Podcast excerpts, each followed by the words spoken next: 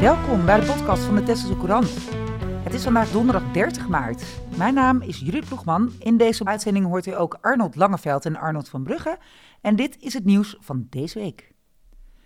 Het aantal mensen dat onder invloed van drank, drugs of medicijnen achter het stuur stapte en aangehouden werd, groeide op Texel met 50% in 2022. Dat maakte verzekeraar Independer bekend. Zij baseren zich op politiecijfers. In 2021 werden 30 mensen aangehouden. In 2022 waren dat er 45. Het past in een trend, zegt een politiewoordvoerder. Landelijk was er sprake van een stijging van 34,1 procent. In Noord-Holland was dat 29 procent.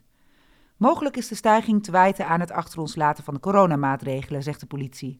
Er gingen meer mensen de deur uit en daardoor is ook het aantal mensen dat in kennelijke staat achter het stuur gaat zitten gegroeid. In februari werd in een tuin in Den Burg een marter gesignaleerd. Een dier dat van nature niet op Texel voorkomt en een gevaar vormt voor weidevogels als er een populatie ontstaat.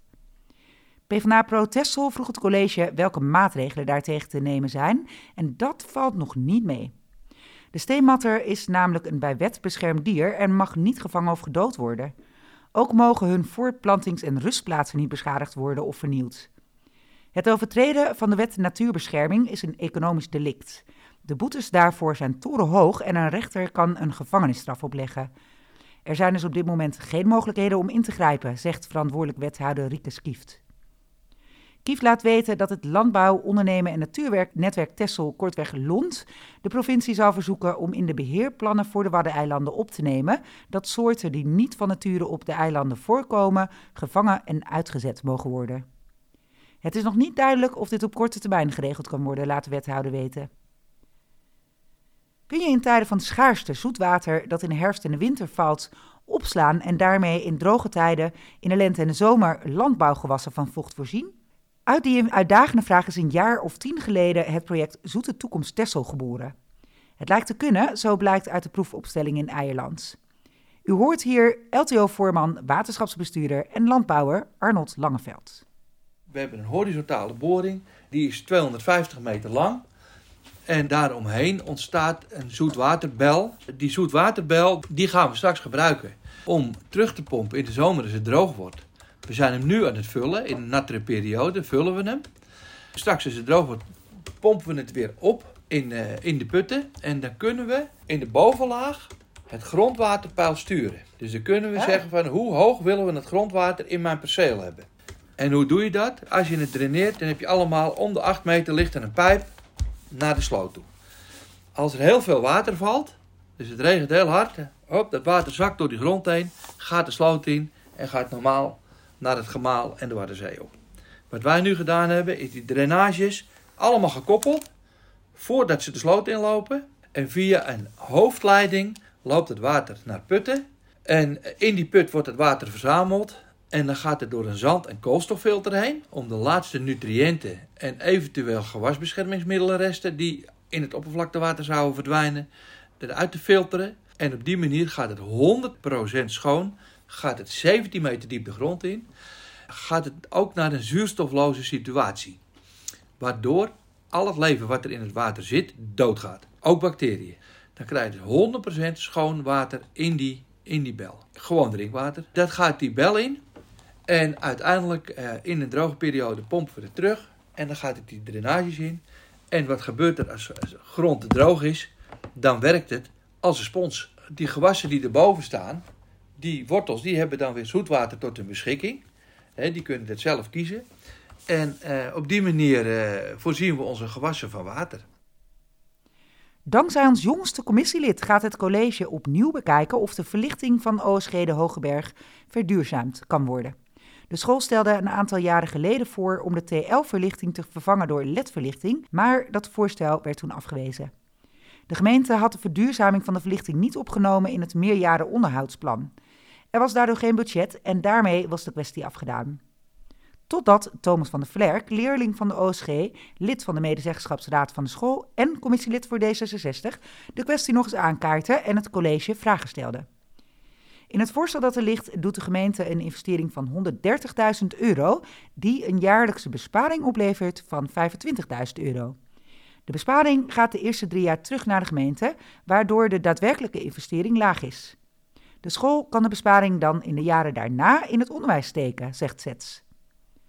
Volgens Van Vlerk levert de verduurzaming bovendien een waardevermeerdering van het gebouw op, die ten goede zal komen aan de gemeente, want die is de eigenaar. Het college onderzoekt het voorstel en neemt voor de zomervakantie een beslissing. Arnold van Brugge is filmmaker, schrijver, journalist en historicus. Hij dook in de vondsten uit het palmhoutrak. Dat resulteerde in een multimediaal project, de documentaire serie De Jurk en het Scheepsdrag, een podcastserie en een interactieve website waarmee je het scheepsdrag in kan. Welkom. Dankjewel. Kun je ons een introductie geven over wat het palmhoutrak eigenlijk is en waarom dat zo bijzonder is? Nou, het palmhoutrak is vooral bijzonder natuurlijk door de jurk, uh, de mooie jurk van Kaapskil, die in 2016 heel even tentoongesteld werd in Kaapskil. En iedereen die daarnaar keek, die uh, kreeg bijna tranen in de ogen. Op een manier deed die schoonheid van die jurk en het idee dat die jurk na zoveel jaar intact uit een wrak kwam, die deed heel veel met mensen. Dus dan weet je al dat er iets bijzonders aan de hand is. En vervolgens hoorde ik ook nog van al die verhalen die op de achtergrond speelden. Tussen Tesselse duikers, het museum, de overheden van de overkant, de wetenschappers. Een enorm conflict, een enorme spanning tussen de verschillende partijen. Toen dacht ik van ja, als zo'n jurk zoveel emotie oproept en zoveel partijen in, in beroering brengt, ja, daar zit daar een goed verhaal in. Ja, in, in een van de introductiezinnen ook over de documentaire is dat de jurk ook bijna een vloek was. Ja, zeker. Ja. Ja, want die duikers die hebben hier tientallen jaren redelijk uh, onbezonnen en, vrij kunnen, kunnen duiken. Die Tesselse duikers. En door de jurk ligt ze helemaal onder het vergrootglas. Ze hebben iets gedaan wat niet mocht. En ze hebben dat ook redelijk lang doorgezet. Ze zijn jaren gaan graven en bikken, bikken op dat wrak. En hebben fantastische schatten naar boven gehaald. Maar daardoor is er zoveel aandacht voor gekomen... Uh, dat ze eigenlijk niet meer zo vrij zijn als ze ooit geweest zijn. En dat betreuren ze enorm. Want zij duiken naar scheepswrakken en daarmee ligt de kust voor Texel bezaaid. Ja, zeker. Ja. Ja, iemand van de Rijksdienst noemt het het, het Schiphol van de 17e eeuw in de film. Uh, het was echt de vertrekplaats en aankomstplek van al die schepen die naar Indië gingen, naar West-Indië, naar Oostzee, Noordelijke IJszee. Alle kanten op, Middellandse Zee, zoals dit schip waarschijnlijk. Dus het ligt daar heel erg vol met scheepswrakken. Want bij elke storm, elke verkeerde wind, dan botsen die boten tegen elkaar, joegen elkaar naar de bodem. Uh, struikelden over elkaar, uh, liepen uh, wrak op elkaars masten. Dus dat is een ongelooflijke hoeveelheid wrak inderdaad. Ik had het voorrecht om de podcast alvast te mogen luisteren. En in de podcast citeer jij iemand die zegt...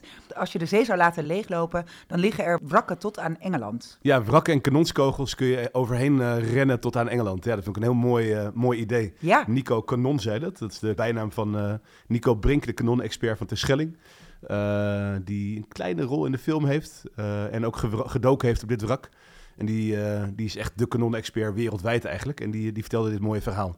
Ik heb dus het voorrecht gehad om een podcastserie te mogen luisteren.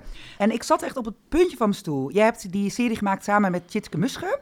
En ik ben een groot bewonderaar van haar. Kun jij iets vertellen over haar werk?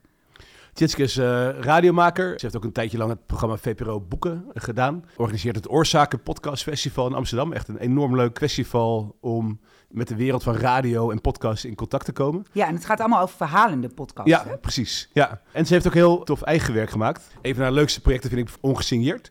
Dat is een podcast over hele alledaagse dingen die je eigenlijk helemaal niet opvallen. Zoals een lantaarnpaal of een wipkip of een bepaald soort stoeptegel of een putdeksel.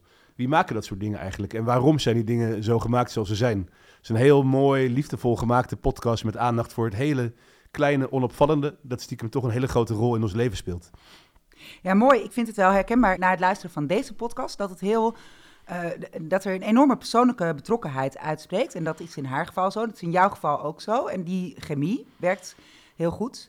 Uh, want het is natuurlijk ook een fantastisch verhaal. En het is een detective bijna. Ja, een wetenschapsdetective, zo noemen we het inderdaad. Ja, het is echt een speurtocht geweest, want de duikers hebben natuurlijk de jurk en wat kostbaarheden uit het wrak gehaald, maar zonder al te veel context. Dus eigenlijk hebben we een ongelooflijke schat waarvan we geen idee hebben wat het eigenlijk behelst. Van wie het was geweest, van wie het uh, schip was of uh, uit welke richting het kwam. Beetje bij beetje komen wetenschappers er een klein beetje achter.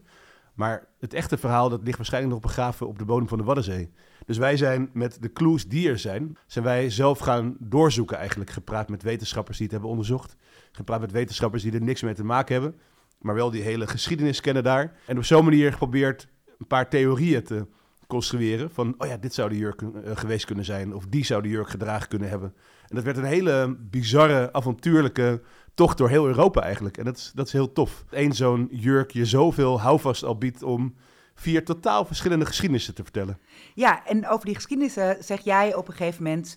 Uh, er komen een heleboel markante figuren uit de geschiedenis voorbij... Hè, waarvan de uh, geschiedschrijving goed is vastgelegd. De, dit zijn mensen die gedocumenteerd zijn om een bepaalde reden. Jij vraagt je op een gegeven moment af... zijn het de merkwaardige figuren, figuren die de geschiedenis overleven... en is de rest anoniem? En wat zegt het over onze geschiedschrijving? Ja, dat is natuurlijk raar dat je aankomt als wij dat onderzoek doen... bij zulke buitenissige verhalen... dat je op een gegeven moment denkt van... hè? Dit is toch wel heel toevallig. Dat we gewoon, elk verhaal is eigenlijk best wel raar of best wel apart of nou ja, buitennissig inderdaad. Bijna te mooi om waar te zijn. Ja, dus hoe, hoe kan dat? Hoe kom je met één zo'n jurk bij zulke verschillende, maar allemaal bizarre verhalen? Daar hebben natuurlijk heel veel mensen geleefd in de geschiedenis. maar die zijn lang niet allemaal gedocumenteerd of lang niet allemaal goed traceerbaar. De mensen die wel traceerbaar zijn, ja, waarom zijn die traceerbaar? Dat zijn mensen misschien met heel veel macht. Of het zijn mensen met verhalen die heel erg de moeite waard waren om door te vertellen. Dus misschien wel hele rare verhalen, weet je wel. Een beetje de vrouw met de baard op de kermis. Ja, nu is het zo dat in de podcast een, hele, uh, een heleboel actuele onderwerpen in de huidige geschiedenis voorbij komen. De oorlog in de Oekraïne komt voorbij. Er komt voorbij dat er vrouwelijke spionnen bestonden in de 16e eeuw. En vrouwelijke theateracteurs in een tijd dat het eigenlijk, dat wisten wij eigenlijk niet, hè, dat, die, dat die toen al uh, voorkwamen. Um, de, het slavernijverleden komt voorbij. Zou het een man kunnen zijn die de jurk gedragen heeft? Daar gaan we verder niks over verklappen. Daar moeten mensen de podcast maar voor luisteren. Er worden allerlei lijntjes getrokken tussen het heden en het verleden. En dat moet als historicus ook een fantastische snoepwinkel zijn geweest voor je. Ja, zeker. Ik bedoel, wat heel mooi is... Ik zal een één tipje van de sluier oplichten over zo'n zo'n theorie. Um, is de theorie over dat het aan de hand van de boekkaften die gevonden zijn in het wrak... dat uh, het bezit was geweest van de familie Ostrowski een Pools-Litouws familie. Die woonde in het huidige Oekraïne. En die daar een soort nieuw nationaal besef inrichtte eigenlijk in die tijd. En dacht van oké, onze toekomst ligt niet in het oosten, bij het, uh, het Russische Rijk, de, de Moscovieten. Bij onze toekomst ligt in het westen. Dus zij veranderden van godsdienst. Zij richtten scholen op op westerse leest. En ze versloegen als eerste een Russisch leger. Als eerste Oekraïners versloegen zij een Russisch leger. En dan zie je dus dat die geschiedenis van die Oost-West oriëntatie, dat die toen al heel erg actueel was. Dus precies zoals Zelensky nu opereert, was toen ook al aan de hand. Ja, dat vind ik heel mooi dat die parallellen bestaan. Dat iets wat wij nu aanschouwen, dat het al zo diep geworteld in de geschiedenis is. Ja, en dat je eigenlijk nu dus bij de oorsprong daarvan komt. Ja. En jij hebt al een heleboel gedaan in die uh, regionen, hè? Jij hebt een, uh, een, een, een, serie over Rusland gemaakt, een boek over Rusland gemaakt. Ja. Nog wat rondgetrokken in, de, in, die, in die gebieden. Ja, ook Oekraïne inderdaad. Ik ben bij die twee revoluties geweest in 2004 en 2014. Dat, dat hele verhaal gaat me enorm aan het hart, zeg maar. Dus ik, ik, ik volg het op de voet en ik, ik, ik sta te trappelen om daar weer naartoe te gaan. Ja, de jurk is ja. in, in 2014 ja. opgedoken, maar in 2016 is dat bekend geworden. En sindsdien ben jij, heb jij gewerkt aan deze serie. Ja, serie en de podcast. En ook uh, inderdaad, wat we nog als derde lood hebben, is een uh, interactieve duik in de Waddenzee.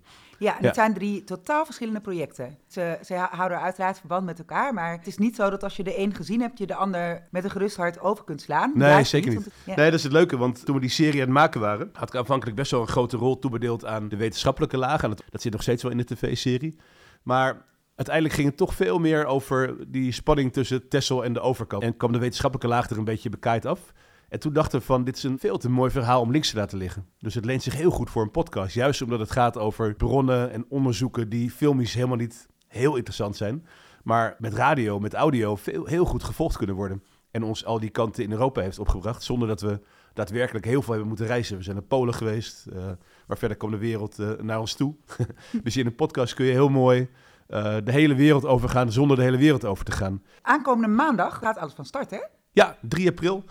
Dan uh, staat alles online op de jurk en het scheepsrak.nl. En dan kan je meteen de hele podcast bingen. De serie die komt drie weken achter elkaar op 3, 10 en 17 april op Nederland 2. Kwart over tien s'avonds. En voor de mensen met een NPO Plus abonnement, die kunnen het meteen ook gaan bingen. Nou, we kijken er enorm naar uit. Dankjewel Arnold. Ja, graag gedaan.